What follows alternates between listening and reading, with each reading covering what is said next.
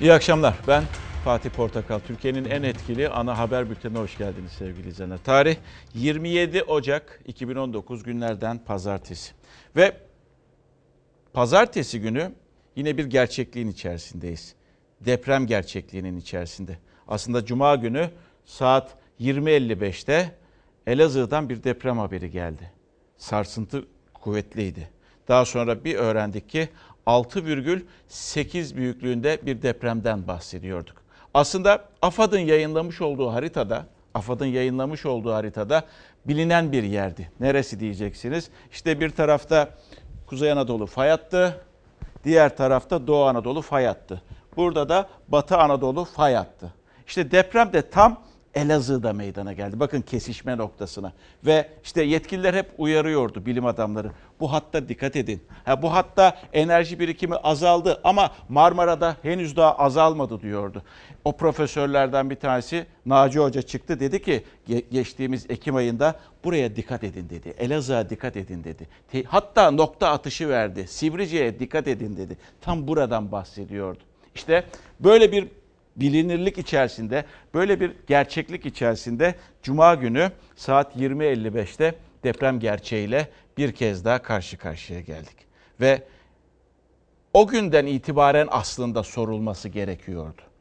Sorulması gereken her türlü soruyu da sormak gerekiyor. Bu bizim vatandaşlık hakkımız. Kimse bu hakkı bizim elimizden alamaz. Kimse buna kimse buna işte bunun siyasetidir, bunun şöylesidir diyemez. Can hepimizin canı. Bizim canımız. Bakın son bildiğimiz 41 vatandaş hayatını kaybetti. Son gelen bilgi bu. Son göçüğün altından da sürsürden bir vatandaşın cansız bedeni çıkarıldı. Hepsi bizim canımız. Hepsi önlem alınsaydı belki daha az olacaktı. Belki yaşanmayacaktı geçtiğimiz yıllar içerisinde. Maalesef önlem alınamamıştı. İşte tabela bu. Sormam gereken yetkililere cesurca kimsenin bir şey dediğini aldırış etmeden sormanız gereken soruları, sormamız gereken soruları hep birlikte soracağız. Bugün, yarın, yarından sonra ve her zaman. Kimse de bizi cesaretsizlikle veya kimse bizi aman şimdi bunun zamanı mı, aman şimdi bunun zamanı mı diye uyarmadan o uyarışlara da veya o söylemlere de itibar etmeden sevgili izleyenler. Geçmiş olsun Türkiye diyoruz bir kez daha. Peki son durumu merak ediyorsunuz şu anda. 41 vatandaş hayatını kaybetti.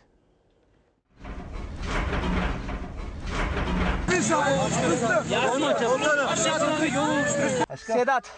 Tamam. Boyunluğu takmadan çocuğu çıkarmayalım. Aşkım benim dur. Yıkılan binaların, molozların arasından böyle çıkarıldılar. Elazığ ve Malatya'yı sarsan Sivrice merkezli 6,8 büyüklüğündeki depremin ardından 70 saat geçti. 45 kişi enkazdan çıkarıldı, yaşama tutundu. 1607 kişi ise faciadan yaralı olarak kurtuldu. Elazığ Sürsürü mahallesindeki enkazdan son kişinin de çıkarılmasıyla hayatını kaybedenlerin sayısı 41 oldu. Bölgede arama kurtarma çalışmaları bitti. Saatlerdir hiç durmadan çalışan, depremzedeleri kurtaran kahramanlar olay yerinden ayrıldı. Enkazda olduğu bilinen son kişinin de cansız bedenine ulaşıldı ve enkazdan çıkartıldı. Şimdi son kez enkaz kontrol edilecek ve içeride kalan kimse olmadığından emin olunduktan sonra enkaz kaldırma çalışmalarına başlanacak. Enkazın altında kalan bayağı kişi var. Bazılarını çıkarırlar yukarıdakileri. Aşağıda kalan bayağı insan var. Elazığ ve Malatya ile birlikte Türkiye'nin yüreğine kor düşüren depremin ilk anlarıydı bu. Sarsıntının dinmesiyle bölgeden acı haberler peş peşe geldi. Elazığ ve Malatya'da toplamda 205 bina yıkıldı. 45 kişi yıkıntıların arasından çıkarıldı. Mucizenin adı oldular. Ay maşallah. İşte mucize bu. Gel bakalım bebek gel. Battaniye var mı çocuğu sarılıyor? Gel gel. Anne geliyor. Anne geliyor. Elini alnına gel bakalım gel. Tut Gel tatlım gel. O deprem sonrası gözler yıkımın en şiddetli hissedildiği adreslerden Elazığ Sürsürü mahallesindeydi. Arama ve kurtarma ekipleri Dilek Apartmanı enkazında kalan 3 kişi için seferber oldu. Ne yazık ki o enkazdan bir anne ve oğluyla birlikte 3 kişinin cansız bedeni çıkarıldı. Çok büyük uğraş verildi 53 saat boyunca. Özellikle son 8 saati aynı noktada geçirdi arama kurtarma ekipleri ve enkaz altındaki 3 kişiden birinin daha ne yazık ki cansız bedenine ulaşılmış durumda. 12 yaşındaki Ömer Asaf ve annesi 40 yaşındaki Tansel Elidar sonsuzluğa uğurlandı. Deprem anında babasının elinden son anda kayıp giden torununun acısını dedesi Turgut Elidar gözyaşları içinde anlattı. Gelenler torunumdur. Çocuğun ismi Ömer Asap'tır. Beton oğlanı bir omuzuna değiyor babasının. Oğlan elinden kayıyor. İçişleri Bakanı Süleyman Soylu ağır hasarlı ve yıkılacak evler için 30 bin lira, acil kira ödeneği olarak da 11 bin lira olmak üzere toplam 41 bin lira verileceğini açıkladı. Çevre ve Şehircilik Bakanı Murat Kurum da depremin yaşandığı Elazığ'da 2000 yeni konut inşaatına başlayacaklarını duyurdu. deprem sonrasında sonucu yaşadık. Sonuç neydi? Gerçekten bizim muhabirlerimiz de aynı şeyi söylüyor. Sizler de takip etmişsinizdir. Müdahaleler yerinde yapıldı ve zamanında yapılmıştı. Ve işte o insanlar yani afatçılar, omkeciler, itfaiyeciler, jandarma kurtarma ekipleri e, ve onlar müdahalesini zamanında yaptığı için 41 vatandaşımız, e, 40, e, çok vatandaşımız kurtarıldı. Sadece 41 vatandaşımızı kaybettik. Onlara da şükranlarımızı iletmek gerekiyor. Ha bu işin sonucu yalnız. Bu sonucu aslında bu ölümleri azaltmak bizlerin elinde. İyi ki bu insanlar yetiştirilmiş ve yetiştirildiği için e, büyük bir sayıda da vatandaşımız kurtarıldı. Ancak 41 vatandaş hayatını kaybetti. Her şeyi yaşatmak içindi ve işte o, o profesyonelce çalıştılar. Ve bugün e, bazı yerlerde de okudum. Sizler de belki okumuşsunuz, okumuşsunuzdur. Kullandıkları cihazlar vesaire. Ha, bu bu belki de bizi teselli edecek bir şey. Teselli. Ama 41 vatandaşımız hayatını kaybetti. O soruyu soracağız. Bu insanların günahı neydi diye. Niçin bu insanlar hayatını kaybetti diye soracağız. Çünkü verin tekrar haritayı bana. O AFAD haritasını verir misiniz? Depremin olduğu bir ülkede yaşıyoruz. Deprem gerçekliğinin olduğu bir ülkede yaşıyoruz. Bakar mısınız? Fay hatları böyle bizi çevirmiş. Bu buradan çevirmiş. Bundan sonrasını uzmanlar diyor ki adres veriyorlar. Aşağı doğru inecek. Kahramanmaraş'a doğru gidecek. Bakın bir de burada var boş enerji stres birikmesi. Burada Batı Anadolu fay hattı var. Böyle bir gerçeklik içerisinde yaşıyoruz. 99 gibi bir deprem yaşamışız. Marmara'da 7.4 büyüklüğünde Düzce'de bunları yaşamışız ve hala biz dersimizi almamışız. Bir bakıyoruz ki aslında tam hazırlıklı değiliz. Şimdi Elazığ'dan bir görüntü gelecek. Elazığ'da böyle kaç bina olduğunu bilmiyoruz. Önümüzdeki günlerde belki teker teker bunlar yıkılacak. İşte şu, şu ağır hasarlı bir bina Mustafa Paşa mahallesinde Elazığ'da şu anda e, öğle saatlerinde karar alındı ve o kararda binanın yıkılması yönündeydi. E, vatandaşlar çıkarıldı, eşyaları kimisi alan aldı, alamayan da eşyası e, binanın içerisinde. E, birazdan zaten öyle bir haber de gelecek. Can mı mal mı? Malcanın yongası derler ya. İşte e, öyle bir haber birazdan izleyeceğiniz. Binalar e, maalesef bazı binaların ağır hasarlı olduğu söyleniyor. E, bendeki bilgi 1287 ağır hasarlı binadan bahsediliyor. 1287 ağır hasarlı bina bakın. 6.8 depremiyle ağır hasarlı oldu. Bundan sonra 5, 5.5 veya 6 büyüklüğünde Allah korusun, Allah göstermesin olabilecek bir depremde daha fazla binanın da yıkılması söz konusu. Şu anda Mustafa Paşa mahallesindeki bina yıkım işlemini sürüyor, görüyorsunuz. Ve e, Sürsür'e gideceğiz. Sürsür'de e, Öznur var bizi bekliyor. Ercan Canik'le birlikte günlerdir orada. Ekiplerimiz orada. İşte e, onlar da e, ellerinden gelen her şeyi e, bir şekilde sizlere ulaştırmak için çabalıyorlar. Çok şeylere tanıklık ediyorlar. Kendileri de o gerçekliğin içerisinde. E, Öznur merhaba. E, son e, vatandaşımıza orada ulaşıldı. Bulunduğun yerde ancak e, maalesef yaşatılamadı. Şimdi şimdi ne yapılıyor orada? Bir onu bir arkandaki e, olayı bize anlatır mısın? İş makinalarını görüyoruz orada. Elazığ merkezde enkaz e, kaldırma çalışması var. Artık arama kurtarma çalışmasının yapıldığı tek adresti burası. Hı. Dilek sitesi. Sitede 3 blok var ve 3 bloğun tamamı da yıkıldı. Ortadaki blok çöktü. Diğer iki blok da onun üzerine yığıldı ve e, burada arama kurtarma çalışması yapılıyordu. İlk 72 saat çok önemliydi. Ekipler de canla başla çalışıp o 72 saat dolmadan arama kurtarmayı tamamladılar. Şu anda enkaz kaldırma çalışması yapılıyor. E, iş makineleri geldi. 72 saat öncesine kadar insanların yaşadığı e, ailelerin bir arada olduğu, küçüklerin, büyüklerin, çocukların bir arada olduğu bu alanda şu an sadece moloz yığınları ve iş makineleri var ne yazık ki. Onlar şu anda enkaz kaldırıyorlar. Bu enkazlar kaldırılıyor ama çevresindeki binalar ayakta. Ee, Öznur onu soracağım sana. Öznur duyuyor musun beni? Ee, O arkadaki binaların Evet, sağlamlığını, duyuyorum. ortadaki bina yıkılmış onu görüyoruz. Arkadaki binaların sağlamlığı hakkında bir bilgimiz var mı? Veya o binalarda şu anda bilmiyorum siz biliyor musunuz? Sizde cevabı var mıdır? Oturan var mı bu karda kışta bu soğukta yani ne yapalım artık girmek zorundayız diyen o gördüğün etraftaki hemen gördüğümüz binalarda o sağlam mıdır? Nedir? Bilgimiz var mı? Yıkılacak mı önümüzdeki günlerde? Şimdi 6,8'lik deprem bir 10-15 saniye kadar daha sürseydi eğer bu enkazın çevresindeki binaların da ayakta kalma ihtimalleri yok gibi bir şeydi açıkçası. Ee, bilançosu son durum diye verdiğimiz o rakamlar çok daha ağır olabilirdi. Ee, bu binalar yorgun ve hasarlı. İçinde insanlar kalmıyor. Ee, kimse yaşamıyor. Ağır hasarlılar yıkılma ihtimalleri var. Onunla ilgili çalışmalar yapılıyor. Bu alanda insanlar evlerine girmiyorlar. Çünkü enkaz kaldırma çalışmasından dolayı elektriği, doğalgazı kesik. İçi zaten hasarlı, yaşanılabilir durumda değil. Ama bu alanın dışında da çok fazla has- hasarlı evler var. Ee, yorgun ve ayakta durmakta güçlük çeken evler var. Ne yazık ki onların bir kısmına e, insanlar girmek zorunda hissediyorlar kendilerini. Başka çare yok, gidecek yer yok.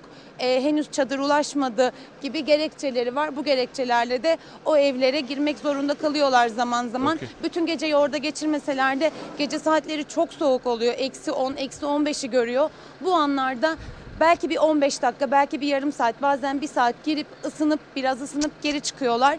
Ee, tabii ki 24 saatlerini o evlerde geçirmeleri imkansız. Çok hasarlı ev var. Ee, hani tedbirsizliğin sonucunu yaşıyoruz. Sonuç arkamızda. Ee, bu tedbirsizlik nedeniyle pek çok bina ağır hasarlı ve şükredebileceğimiz tek şey depremin 10-15 saniye daha uzun olmaması. Eğer olsaydı bilanço çok ağır olacaktı. Çok teşekkürler Öznur Aslan verdiğim bilgiler için. Öznur'da Sürsürü Mahallesi'nde o son e, vatandaşımızın e, e, cansız bedeninin çıkarıldığı yerde e, sizlere de haber ulaştırmak için aslında arkadaşlarımızı da oraya gönderiyoruz. Hatta yayından önce onu sordum Öznur'a. Öznur dedim kaldığınız otel nasıl? Ee, şu anda dedi bir şey yok Fatih dedi. Yani sağlam olduğu söyleniyor. Gelen devlet yetkilileri de buradaki otelde kalıyor dedi. Herhangi bir sıkıntı olduğunu görmedik. Olmadığını söylüyorlar dedi. Elinize sağlık. Ee, yani tüm Elazığ'a, tüm e, zarar gören e, vatandaşlarımıza e, geçmiş olsun diyoruz. Ee, ve Öznur'a da Ercan Cani'ye de çok çok teşekkürler sağ olun. İşte bakın biz bu gerçekliği biliyoruz. Yani ülkemiz bir deprem kuşağı içerisinde. Ee, coğrafyamız o şekilde. İşte az önce e, fay hatlarını da biliyorsunuz. Bunlar aktif fay hatları. Böyle bir gerçeklik varken ve bu gerçeklikler yaşanırken ister istemez önlem alınmalı diyorsunuz. Mesela işte bakın şimdi ekrana gelecek haberi bir ekrana gelecek haberi dikkatle izlemeniz gerekiyor. Binalardan bahsediyoruz. Az önce size dedim ki 1287 ağır hasarlı bina var. Özgür Aslan da anlattı. Yorgun binalar dedi. Artık hasar görmüş binalar. Yani bundan sonra olabilecek bir depremde yıkılma ihtimali yüksek olan binalar ve bir an önce bu binaların denetlenmesi gerekiyor. Diyeceksin ki çok şey istiyorsun. Hayır, çok şey istemiyorum. Olması gerekeni söylüyorum. Siz 20 sene boyunca veya deprem gerçekliği hadi 20 sene demeyelim de 99 büyük deprem olduğu için oradan alıyorum. Böyle bir gerçeklik var yeterli önlemleri maalesef almamışız. Bu binaların da bir an önce denetlenmesi gerekiyor. Karda kışta insanlar soğuk bir şekilde çadırlarda hayatlarını geçirecekler. Ne kadar zaman geçirecekler? O binalar ne olacak? Yerine nasıl yapılacak? Ha esas bu işte bakın. Esas bu. Bize Elazığ depremi, Sivrice depremi gösterdi ki ne derse desin bakanlar beni çok fazla ilgilendirmiyor. Beni ilgilendiren önlem aldın mı almadın mı? Beni ilgilendiren bu 20 senede ne yaptınız? Önemli olan bu ve gördüğümüz manzara şu kanıyı bende yarattı. Sizde de belki yaratmış olabilir. Yine ders alınmamış. Bak bak yavrum gel gel yavrum gel gel. Ev mi kalmış? Bi- Biz burada nasıl oturak? Ablam bu evde oturulur mu? Kurban olan bu evde oturulur mu? Ben kapıdayım, soğuktayım. Elazığ merkezdeki bu bina yıkılmadı belki ama artık ayakta durması, burada yaşanması neredeyse imkansız gibi görünüyor. Çünkü depremle birlikte binanın duvarlarında böyle derin yarıklar oluştu. Tuğlalar, sıvası, yarıkları, bu binanın kolonları böyle derin bir şekilde yarıldı ve ev sahipleri de sokakta kaldılar. İşte aslında burada oturanlar bu tehlikeyi görmüşlerdi. Kentsel dönüşüm gelsin diye bekliyorlardı ama dönüşüm gelmeden deprem vurdu. Niye buraya kentsel dönüşüm gelmedi? Kimse gelmedi yavrum. Onlar evlerindeki çürümeyi görmüştü ama yetkililer görmedi. Ölümden döndüler ama binaları her an yıkılabilir. Elazığ'da derin çatlaklarla ayakta zor duran binaların sahipleri kentsel dönüşüm bekliyorlardı. Dilekçeler verildi, başvurular yapıldı ama sonuç değişmedi.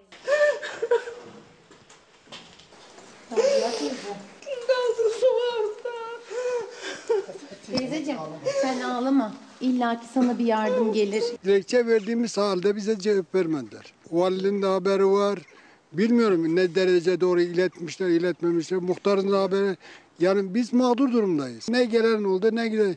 Geldiler buraları kentsel dönüşüme dönüştürecek sözde. Yazdılar, çizdiler, fotoğraflar falan çekildi. Öylece kaldı. İşte Elazığ'da kentsel dönüşüm için bekleyen 1500 kişinin yaşadığı bir site. Binalar eski zaten bu temeli su çekiyor. Kentsel dönüşüme için çok başvuru yaptılar da bizim bu site büyük bir site olduğu için onu karşılayacak müteahhit pek bulunmadı. Devlet de bu işe el atmadı. Elazığ merkezde Abdullah Paşa mahallesinde 1500'e yakın insanın yaşadığı Batı sitesindeyiz. Bu sitenin her bloğunda neredeyse taşıyıcı kolonlarında aynı manzara var. İşte kolon. Yani sadece dokunmamla kolon parçaları ayrılıyor ve demirleri de zaten depremin etkisiyle gün yüzüne çıkmış bile. Henüz kontrole gelmediler ama herhalde oturulamaz şeyi verirler. Hasar tespit çalışmalarını önümüzdeki en geç 10 gün içinde tüm illerimizde tamamlamış olacağız. 10 gün içinde yapılacak tespit için onlar yıllardır bekliyorlar. Bu hasarlar oluşmadan önce de uyarılar yapmış, başvuru dilekçeleri vermişlerdi. Ancak iddialarına göre ilgilenen olmadı. 3 gün öncesine kadar da burada yaşıyorlardı. Köşeyi yaptılar kentsel dönüşümden ondan sonra iptal olduk. Hiç kimse gelip bakmadı. Hiç kimse bakmadı. Kentsel dönüşüm projesi başlamıştı. O zaman ne oldu? Kimse gelip bakmadı ki bizim evlere. Muayenede e, kültür aldılar. Çimento, demir kültürüne baktılar. Oturulmaz şeyi verdiler o zaman. Öyle bir söylenti duyduk yani. Çürük raporu verdiler. Fakat e, işte gelen olmadı. Hasarlı olduğu bilinen bir başka adres Çevrimtaş Mahallesi. Taş üstünde taş kalmadı burada. Daha önceki orta şiddetli depremde de hasar almıştı. Ama değişen bir şey olmadı. Depremin merkez üssü Elazığ, Sivrice'ye bağlı Çevrimtaş köyü. Neredeyse bütün binalar yıkılmış durumda. Bir tanesi de ağır hasarlı, zor ayakta duruyor. Yine 9 ay önce yarıldı. E, devlet demedi ki ya yıkın bunları. Ya, ne yapacaksanız yapın. Ya konteyner verin ölmemiz ya var her şeyde var. Aslında şimdi 99 depremini izlemiş bir Gölcük depremini izlemiş bir muhabirim. O zaman Sakarya'ya gitmiştim. Daha sonra da Yalova'ya göndermişlerdi beni. Aynı cümleleri duyuyorum şu anda. Yani 99 yıl 2019 2020 e, 21 yıl geçmiş aradan e, ve ben benzer e, serzenişleri, benzer sözleri duyuyorum. Hiç mi değişmez 21 yılda? Hiç mi değişmez? Ama en azından bir kurtarma ekibi, iyi bir kurtarma ekibi yapmışız. Ama tabii onun da büyük ölçekli depremlerde, büyük şehirlerde daha fazla bina yıkımlarına yetecek kadar müdahale edebilecek umkeci, afatçı e, ne kadar yetişmiş elemanımız var. O da aslında tartışılması gereken bir şey. Bakın Az önce Öznur tutmuş mikrofonu. Diyor ki kentsel dönüşümden bahsediyor. Geldiler bir daha gelmediler. Yayına çıkmadan önce Çevre Bakanlığı'nın açıklaması vardı. Az önce o bina yıkılan yer var ya Mustafa Kemal, Mustafa Paşa, Mustafa Paşa Mahallesi. Mustafa Paşa Mahallesi'nde kentsel dönüşüm yapacaklarını açıkladı. Bugün açıkladı. Sadece 1-2 saat. E neredeydi aklınız o depremden önce? Verin o haritayı yine. Verir misiniz Hafat haritasını? O depremin aslında merkez üslerinden biri. Bakar mısınız? Elazığ burada. Tam kesişme noktası. Tunceli, Bingöl, Elazığ bunlar Erzincan. Bunlar tehlikeli yerler. Kuzey ve Doğu Anadolu fay tam kesiştiği yerler. Ve burada ve burada ve burada bakın e, bir kentsel dönüşümden konuşuluyor. Gelmiş birileri ama ondan sonra devamını getirmemişler. Ne zamanki deprem oldu o zaman bugün açıklıyor Çevre Bakanı kentsel dönüşüm yapacağız orada diye. Aslında biz her deprem zamanı bunu söyleriz. Deprem öldürmüyor. Maalesef binalar öldürüyor diye her seferinde söylüyoruz bunu. Ve öyle. Şimdi o binaların, o binalar eğer sağlam olsaydı daha az belki insanımız e, ha, ha, hayatta e, da, kaybetmiş olacaktık veya da, e, hiç can kaybı bile belki de olmayacaktı bilemiyoruz. Ancak işte kontrolsüz yapılan, denetimsiz yapılan o binalar insanları, insanlarımızı öldürüyor.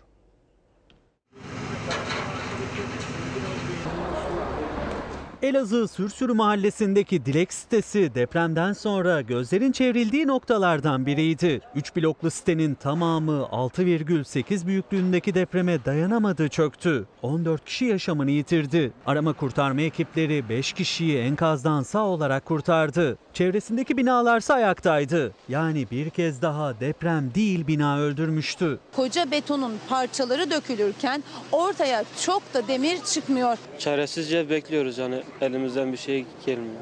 Elazığ ve Malatya'yı vuran depremde köylerle birlikte 205 bina yıkıldı. 645 binada ağır hasarlı. Aynı mahallede aynı zemin şartlarına sahip binaların bazıları sağlam kalırken bazıları enkaz halindeydi. Tıpkı Dilek sitesi gibi. Vinçle kaldırılan betonlar un ufak oldu. Vinç enkazın üzerindeki o büyük beton bloğu kaldırmaya çalışıyor. Beton blok kaldırılırken aslında inşaatın yapısının da ne kadar sağlıksız olduğu gözler önüne serilmiş oluyor. İşte Dilek sitesinin taşıyıcı kolonları çıplak gözle rahatlıkla görüyoruz ki her bir kolonun içinden uzanan 5-6 demir var sadece. Kullanılan malzemelerin kalitesizliği, depreme dayanıksız olduğu, yıkılmayan ama hasar gören binalarda da net bir şekilde görülüyor. Bir de kesilen kolon tehlikesi var yetkililerin de doğruladığı. Mustafa Paşa mahallemizde bulunduğumuz alandaki e, enkaz çalışması biten yıkıktaki bodrum katta bir kolonun kesildiğine dair vatandaşlarımızın böyle bir şikayeti var. Yıkılan binaların enkazlarını inceleyen uzmanlar da kullanılan malzemelerin kalitesizliğine ve hiçbir işlem görmemiş dere kumundan binaların inşa edilmelerine dikkat çekti. İhmal iddiaları, denetim tartışmaları 41 kişi için bir anlam ifade etmiyor artık. Tek beklenti bundan sonraki depremlere önlemler alınmış olarak yakalanmak. Biz çok konuşuyoruz kentsel dönüşüm ama şunu da konuşuyoruz. Kentsel dönüşümü rantsal dönüşümü diye. Hep o kentsel dönüşümlerde akıllarımıza onlar geliyor. Birazdan İstanbul'la ilgili bir haber var. Orada da onu soracağız. Kentsel dönüşümü rantsal dönüşümü diye. Bakın sadece Elazığ'la sınırlı değil kentsel dönüşüm. Aslında Türkiye'nin belki de birçok yerine kentsel dönüşüm kırmızı olan her yer kırmızı olan her yere bir kentsel dönüşüm yapmak gerekiyor. Bir vatandaşın e, göndermiş olduğu ileti şu şekilde. Sadece diyor Elazığ değil kentsel dönüşüm olması gereken hemen hemen Türkiye'nin tamamı kentsel dönüşüm olması gerekir. Ben bunu Antalya'dan yazıyorum. Buna Antalya'da dahil demiş. Sormam gereken. Evet yetkililere sormak gerekiyor da kentsel dönüşüm peki nasıl olacak?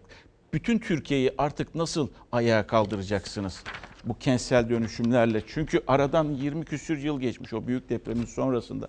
Fay hatlarının olduğu yer belli. Bakın Naci Hoca, Naci Görür, Profesör Doktor Naci Görür yeni e, adresler veriyor depremin olabileceği. Diyor ki artık diyor, artık diyor aşağıya bakmak gerekiyor. Yani Doğu Anadolu fay hattına bakmak gerekiyor ve buradan itibaren bunları ben korkutmak için söylemiyorum. Bunları söyleyen bilim insanları tedbir alsın diye bilim insanları uyarısını yapıyor. Yönetenlerin de diyor ki ey arkadaş tedbir al. Bak önümüzdeki günlerde, önümüzdeki aylarda, önümüzdeki yıllarda daha büyük acılar yaşayabilirsin. Daha büyük acılar yaşayabiliriz diye adres verdi. Kahramanmaraş'a dikkat edin dedi. Kahramanmaraş'ta e, verdiği yer Türkoğlu. Buraya dikkat edin dedi. Amonoslar yine tehlikeli yerler. Sadece orası değil Erzincan, Erzincan, Karlova tarafları da Erzincan ve Karlova da tehlikeli yerler. Tabii bir de burada beklenen bir deprem var ve Marmara depremi. Ona ayrı bakacağız. Ona biz çünkü buraya kilitlenmişiz hep. Aman İstanbul, aman İstanbul. Hayır. Coğrafya bu işte. 81 vilayet, fay hatları da bu. Her yere bakmak gerekiyor. Tabii e, bundan sonra zamana karşı bir yarış var. O elimizdeki krediyi de, zaman kredisini de harcadığımız için hızla nasıl olacak? Hızla nasıl e, bu Türkiye'yi, binaları e, dönüştürebileceğiz? Sağlıklı binalar yapacağız. Daha az e, insan ölümleri gerçekleşecek diye orada bakacağız. Ama zaman maalesef tükenmiş gibi görünüyor. Ha, dedik ki Evet Malatya'da 4 vatandaşımız hayatını kaybetti. Elazığ'da 37 vatandaşımız hayatını kaybetti. Şimdi Kemal Aktaş ve Serhat Yağmur da Ankara'dan gittiler. Ve ilk ulaşan ekiplerden biriydi. Tabii şimdi bir tarafta can ama ülke koşulları da belli. Yani malını kaybettiğin zaman, canını kurtardığın zaman malını düşünmeye başlıyorsun. O sarsıntı anında hiçbir şey hissetmiyorsun. Önce can diyorsun, canını kurtarmaya çalışıyorsun. Ama o sarsıntı geçtikten sonra malını düşünmeye başlıyorsun. Çünkü ülke zengin bir ülke değil, yurttaşları zengin yurttaşlar değil. Kaybettiği şeyi yerine koyabilecek e, maddi olanaklara sahip insanlar değiliz. Böyle bir ülkedeyiz. Ve işte Kemal bu e, hasarlı binalardan mallarını almaya çalışan insanlarla birlikteydi. O soruyu soruyorsunuz. Can mı, mal mı diye.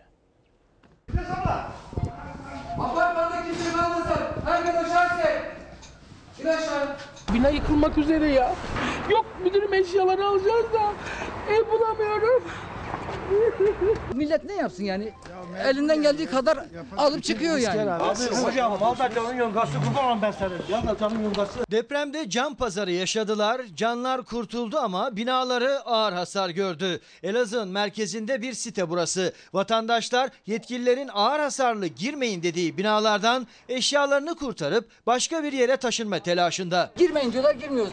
Eşyalarımız yukarıda sadece şöyle çıktık. Bak aşağısına çıktık. Burası 3 blok 72 daireden oluşan bir site. Hemen arkamda gördüğünüz blok ağır hasarlı. Ancak vatandaşlar her ne pahasına olursa olsun mal canın yongasıdır diyerek içeriye giriyor. En azından eşyalarını kurtarmaya çalışıyorlar. Bile ortada kaldık eşyalarımız falan. Gidecek yer bile bulamadık. Şimdi getirdik ama gidecek yer yok. Bizim olan evi var oraya e, e, yerleşeceğiz. Şimdilik geçici. Başını sokacak bir ev bulan toparlayabildiği kadar eşyayla yola koyuldu. Elazığ Bahçeli Evler'deki Güneş sitesi sakinleri dairelerinin bulunduğu ağır hasarlı binalara girerek aslında ciddi bir risk aldı. Polisin tüm uyarılarına rağmen.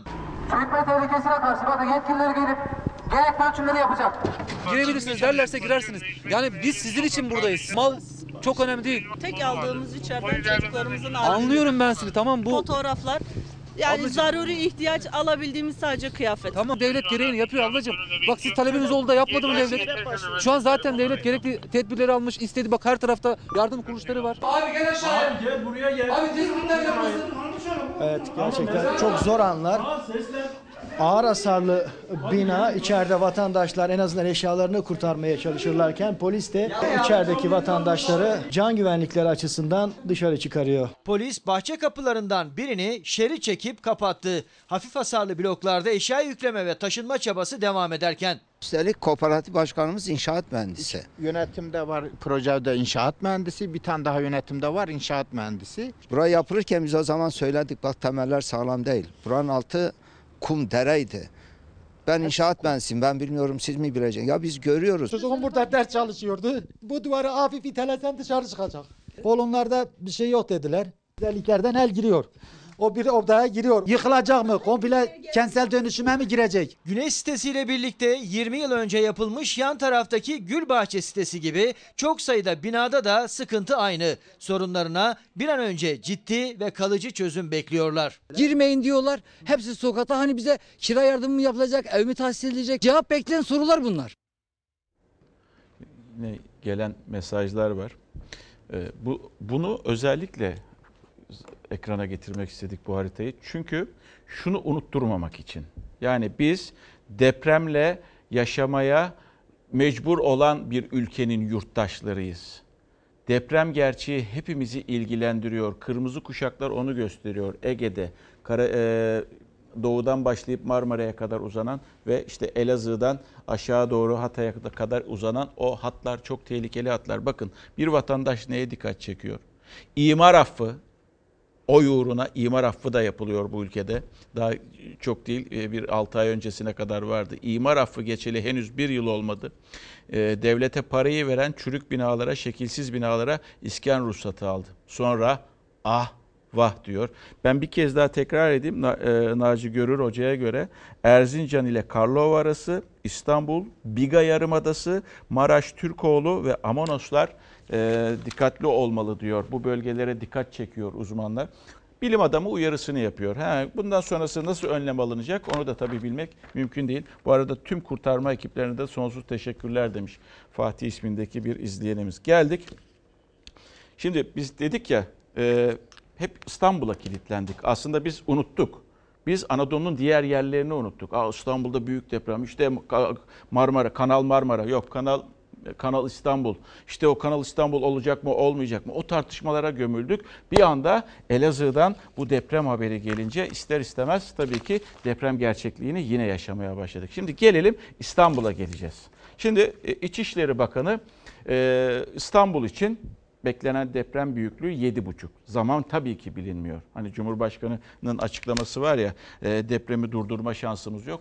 Evet durdurma şansımız yok ama onu zaten yapamayız. Ne var ki önlem alabiliriz. Şimdi İçişleri Bakanı şu cümleyi kurdu. Bu cümleye ne kadar inanırsınız veya cümlenin içindeki o ciddi kelimesi var ya ne kadar ciddiyete ciddiyetle alırsınız bu cümleyi bilmiyorum. Ben size bırakıyorum. Ben de İstanbul'da yaşayan bir insan olarak bu cümlenin bende yorumu belli aslında. 7.5'a göre senaryolar üzerinde ciddi çalışıyoruz dedi. Hani Elazığ depremi sonrasında geldi bu açıklama. Doğrudur değildir bilmiyorum. Kefil olamam kendisine. Ama böyle bir çalışma varmış. Nasıl bir çalışma onu da ileride umarım paylaşır kamuoyuyla. Geldik Naci Hoca'nın bir sözü var. Profesör Doktor Naci Görür. Son bölümü kırmızı e, şerit içerisine aldık dikkat ederseniz. Arkadaşlar diyor. Arkadaşlar diyor. Birkaç gün önce attığı tweet.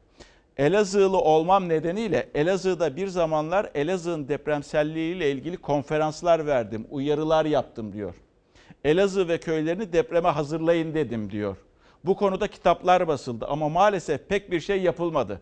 Gelelim son cümleye. Tıpkı İstanbul'da olduğu gibi. Nasıl ciddi önlemler alınıyor bilmiyorum ama bilim insanı bunu diyor. Tıpkı İstanbul'da olduğu gibi. Biz de Naci Hoca bunu söylüyor. Jeoloji mühendisi. Bir de bir inşaat mühendisiyle konuşalım dedik. Peki o ne diyor?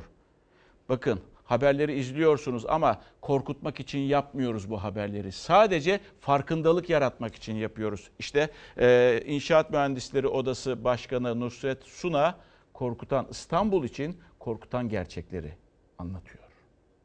İstanbul'da 7,5'luk bir deprem bekliyoruz. Depremin senaryosunu ciddi bir şekilde çalışıyoruz. 48 bin binanın yıkılacağı senaryoda belirtiliyor. 70 bin 100 bine varacak olan can kayıplarından bahsediliyor. Beklenen büyük deprem gerçeğine her gün her saat bir adım daha yaklaşıyor İstanbul. Ancak en iyimser senaryoda bile deprem sonrası yaşanacaklar korkutucu. Hiçbir şekilde kımıldayamayacak durumda olacağız. Yollara binalarımız devrilecek. İstanbul depreme hazır değil.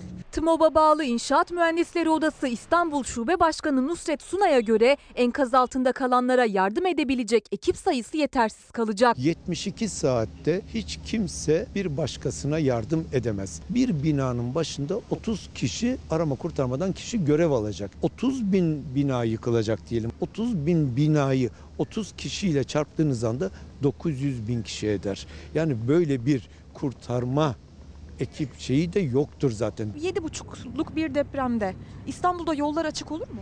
Valla olacağını tahmin etmiyoruz. İstanbul'da belli noktalarda ki bunlar deprem sonrasında ulaşımı sağlayabilmek açısından hayati önem taşıyan yollar. İşte o yollardan biri D100 karayolu. Şu anda günün normal bir saatinde trafik ya adım adım ilerliyor ya da şu anda olduğu gibi durma noktasında. Herhangi bir depremin ardından insanlar sevdiklerine ulaşabilmek için yollara döküldüğünde bu yollardan da yardım gelebilme ihtimali imkansız hale gelecek. İstanbul için 562 adet ana arterlerde acil kaçış, acil ulaşım yolları tespit edildi. Ulaşım yolları bugün ne olarak kullanılıyor? Otopark olarak kullanılıyor. Yardımlar gelecek, uçaklarla gelecek, helikopterlerle gelecek. Açık büyük alana ihtiyacımız var.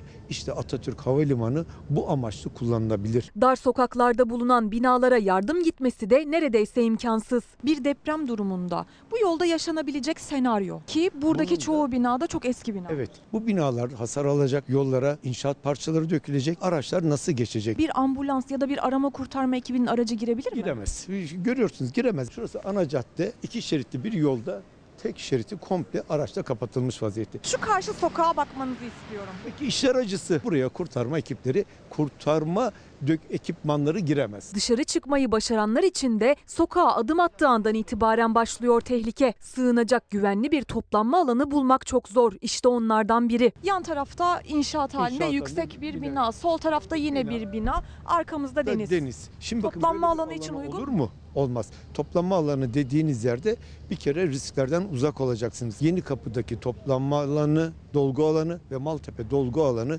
deprem güvenlikli değildir. Doğa onu bir şekilde deprem olduğu anda alacaktır. Hem de şöyle ki Yeni Kapı dolgu alanı faya en yakın olan yerdir. İstanbul'da 2850 toplanma alanı var. 99'da Gölcük'te yaşanan deprem sonrasında 496 konteyner ve çadır kentlerin kurulabileceği alan belirlenmişti İstanbul'da. Depremzedelerin güvenle konaklayabileceği yerlerdi. Büyük bir bölümü imara açıldı. Bugün yerlerini alışveriş merkezleri, rezidanslar aldı. Altyapısı hazırlanmış toplanma alanı İstanbul'da varsa bize de göstersinler. İçişleri Bakanı'nın bu sorulara cevap vermesi gerekiyor. Yani bir kere şunu paylaşması gerekiyor. Kendinde saklamaması gerekiyor bu senaryoları ki bu senaryolar üzerine 16 milyon İstanbulluyu alıştırmak gerekiyor. Bunun belli aralıklarla tatbikatını yapmak gerekiyor. Senaryoyu siz kendi cebinizde veya çekmecede saklarsanız buna kimin faydası olacak? Kamuoyuyla paylaşılsın ki en azından bilelim. Ve inşaat mühendisleri başka odasının oda başkanının sorularına da cevap vermek gerekiyor. Bunları söylüyorum. Bu eleştirileri artık yapmak zorundayız. Yani öyle yok işte deprem daha yeni oldu. 41 vatandaşımızı kaybettik. Sen ne vicdansız adamsın. Hayır. Bundan sonraki ölümleri azaltabilmek için iktidarı zorlamalıyız. Hep birlikte zorlamalıyız. Hep birlikte adım atmalarını sağlamalıyız. Ciddi senaryo neyse bizim önümüze İçişleri Bakanı yarından tezi yok koymak zorunda. Ve demeli ki 3 ay sonra tatbikat yapıyoruz. İstanbullu katılmak zorundasın. Nereye ne gideceksin, ne yapacaksın? Ben hatırlıyorum. O zaman yine e, muhabirlik dönemimde İstanbul'da büyük bir 2007 veya 2008'ler olabilir büyük bir tatbikat yapılmıştı. Belki e, sizler de hatırlıyorsunuzdur. Umarım İçişleri Bakanı da e, bu sorulara cevap verir. Senaryoları merak ediyoruz. Çünkü bizler uygulayacağız onları. Geldik deprem oldu. İşte insanlarımız enkaz altından çıkartılmaya çalışıldı. Kurtarma ekipleri gayet özverili bir şekilde çalıştılar. Bu insanlarımızı hayata e, kazandırdılar. Allah rahmet eylesin. 41 vatandaşımızı kaybettik ne yazık ki. Şimdi tartışmalar da başladı. Tabii bu tartışmalar doğaldır. Ha, tamam acılarda birleşilir ama sonrasında da eleştiriler varsa da o eleştirileri iyiye ulaşabilmek, doğruya ulaşabilmek için yapmak zorundayız. Susmak zorunda değiliz. İşte bazı yardımların dağıtılmadığı, bazı HDP'ye ait bazı yardımların gitmediği, engellendiği söyleniyordu. İçişleri Bakanı Sayın Soylu, Soylu dedi ki hayır dedi. Her yardım dağıtılıyor. Parça parça dağıtılıyor ama her şekilde dağıtılıyor. Sadece o değil, sadece o değil. HDP'den açıklama geldi. Yardımlarımız geri çevrildi iddiasındaydı bu açıklamaya rağmen. Ve ana muhalefet partisinin de bir sözü var. Onlar da tabii bu depremle ilgili tartışmaların içerisinde uygulanabilir bir şey eğer arkasında durulursa, iktidar destek verirse tabii ki 5 yıllık deprem seferberliği ilan edelim dediler ve buna bir isim de verdiler. Bazı sosyal medyada insanı tahrik eden mesajlar var ki onlar çok çok beter, berbat, ahlaksızca. Madem ahlak tartışacağız, o zaman tartışmaya deprem için milletten toplanan vergilerin nereye harcandığını konuşarak başlamak en doğrusudur. Depremle ilgili şimdiye kadar ne önlemler alındı? Bu soruyu sosyal medyadan soranlara çok sert tepki gösterdi Cumhurbaşkanı Erdoğan. CHP ise hem iktidarın tavrını eleştirdi hem de bir teklifte bulundu. 5 yıllık deprem seferberliği. Depremi durdurma şansınız var mı? Bunları söyleyen Erdoğan çok daha büyük depremlerde benzer kaderi Japonların neden yaşamadığını milletimize söylemiyor. Size son derece akıllı bir proje öneriyoruz. Gelecek 5 yılı seferberlik yılı olarak ilan edelim. Müteahhitleri rant için değil, hayat için seferber edelim. 41 can yitip gitti. Yüzlerce kişi yaralandı. Binlerce vatandaş da evsiz kaldı. Türkiye bir kez daha deprem gerçeğiyle yüzleşirken iktidar ve muhalefet yaraları sarmada birlik oldu ama deprem öncesinde alınabilecek tedbirler ve Elazığ depreminde yaşananlar konusunda bir kez daha karşı karşıya geldi. Siyasallaştırmaya çalışıyorlar. Hiç bu konuda tek bir cümle dahi etmek istemiyorum. Burası bittikten sonra söyleyeceklerimiz var. Millet depremin acısıyla depreme karşı önlem alınıyor mu sorunca memur bakanlardan fırçayı yiyiverdi. İktidar siyaset yapmayın diyor, soruşturma açıyor. Sayın Vali algı çok iyi diyor. Acaba biz buradan nasıl bir fırsat devşiririz? Bir karalama kampanyasını sürdürüyorlar. Arkadaşlar yol açın. Erdoğan çalışmaların sürdüğü alana yanında bir web ordusuyla giriyor. Bir de nasılsa denk geliyor, aynı anda göçük altından bir depremzede çıkarılıyor. HDP ise deprem bölgesine gönderdikleri yardımı iktidarın engellediği iddiasında. Ben kalkacağım, geleceğim, istediğimi yapacağım. Bir nokta belirtiyoruz. Diyoruz ki AFAD, siz buna ulaşın. AFAD e, bu yardımları dağıtacak ama Ergani Belediyesi'nden e, gelen iki kamyonu e, Elazığ valisinin emriyle kente sokmadılar. Kör gözün parmağı. Yardımlar şu partilere gidiyor, bu partilere gidiyor. Ya insan Allah'tan korkar ya. Bakın her soruyu da soracağız bizi yönetenlere. Sormak zorundayız. İşte onlardan biri deprem vergisi. Peki ha, nereye harcandığını aslında biliyoruz da geçmişte bir bakan bunu açıklamıştı. Ama yine hatırlatalım. Belki hatırlatırsak bundan sonra aynı hataya düşmezler diye. Bu sorunun cevabını bildiğim halde soruyorum. Deprem vergisi nereye harcandı?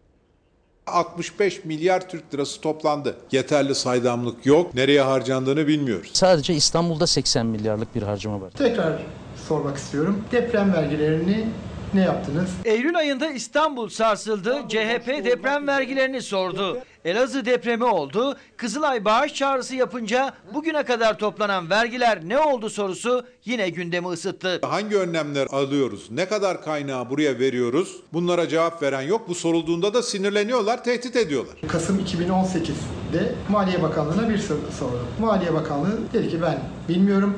İçişleri Bakanlığı Afet İdaresi bunu biliyor. Soruyu bu sefer geçen yıl İçişleri Bakanlığı'na sorduk ama hala bir cevap verilmedi. CHP 2 yıldır resmi ağızlardan 99 depreminden bu yana toplanan vergiler için cevap beklediğini ama alamadığını duyurdu. Aslında bu cevap bugün değil, geçmişte de çok sorulmuştu. Bu vergiler bizim sağlığımıza gidiyor.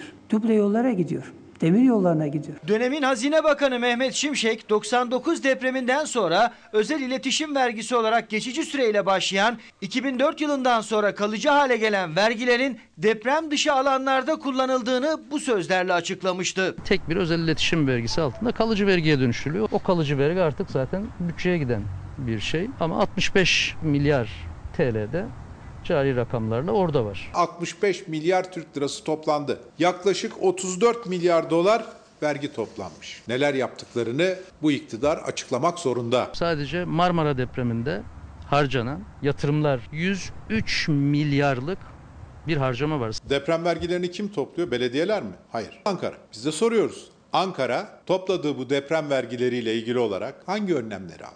43 bin aşkın konut, sosyal donatılar, okullar, eğitim alanları, hastaneler, yollar, viyadükler. Yani bunların hepsi nasıl afete dayanıklı hale getirilir diye yaptığımız yatırımlar. En son deprem vergileriyle ilgili Fuat Oktay Eylül ayındaki İstanbul depreminden sonra konuşmuştu. Muhalefet şimdi Hazine Bakanlığı'nın İçişleri Bakanlığı'na yönlendirdiği afet idaresinin vereceği rakamları bekliyor. Deprem partileri de sarstı. Bekleyiş.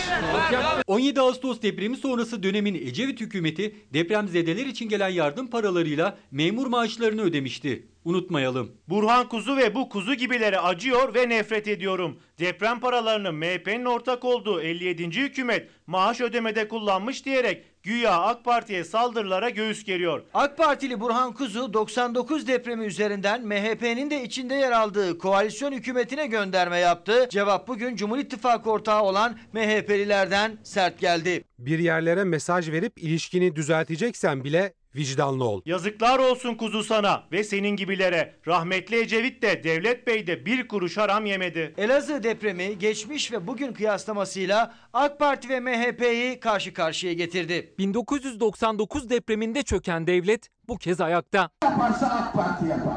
Gördük yaptı Şamil Tayyar 1999 yılında deprem değil asrın felaketi oldu ve o zamanki hükümet büyük bir özveriyle yönetim gösterdi. Deprem üzerinden geçmişi suçlayarak neye hizmet etmiş oldun? Yazık, çok yazık. Türkiye Elazığ depreminin acısında birleşip yaralarını sararken AK Partili isimler eski defterleri açtı. 99 depremine ve dönemin hükümetine gönderme yaptı. Tepki o dönem koalisyon ortağı olan MHP'den Cemal Engiyurt'tan geldi. Elazığ depreminin yaraları sarılmalıyken 1999 yılının kıyasını yapanlar ahlaklı olun, insan olun. Geçmiş siyaseti ne kazandıracak? Unutmayın artık 99 depremindeki aciz devlet yok. Yasin Efendi, Yüce Türk Devleti hiçbir zaman aciz olmadı. Aciz arıyorsan aynaya bak Vekil Efendi. Engin Yurt'un tepkisi sonrası Yasin Uğur paylaşımını kaldırdı. Tayyar ve Kuzu'ysa sessiz. Cumhur İttifakı'nda polemiğin adı 17 Ağustos 99 depremi.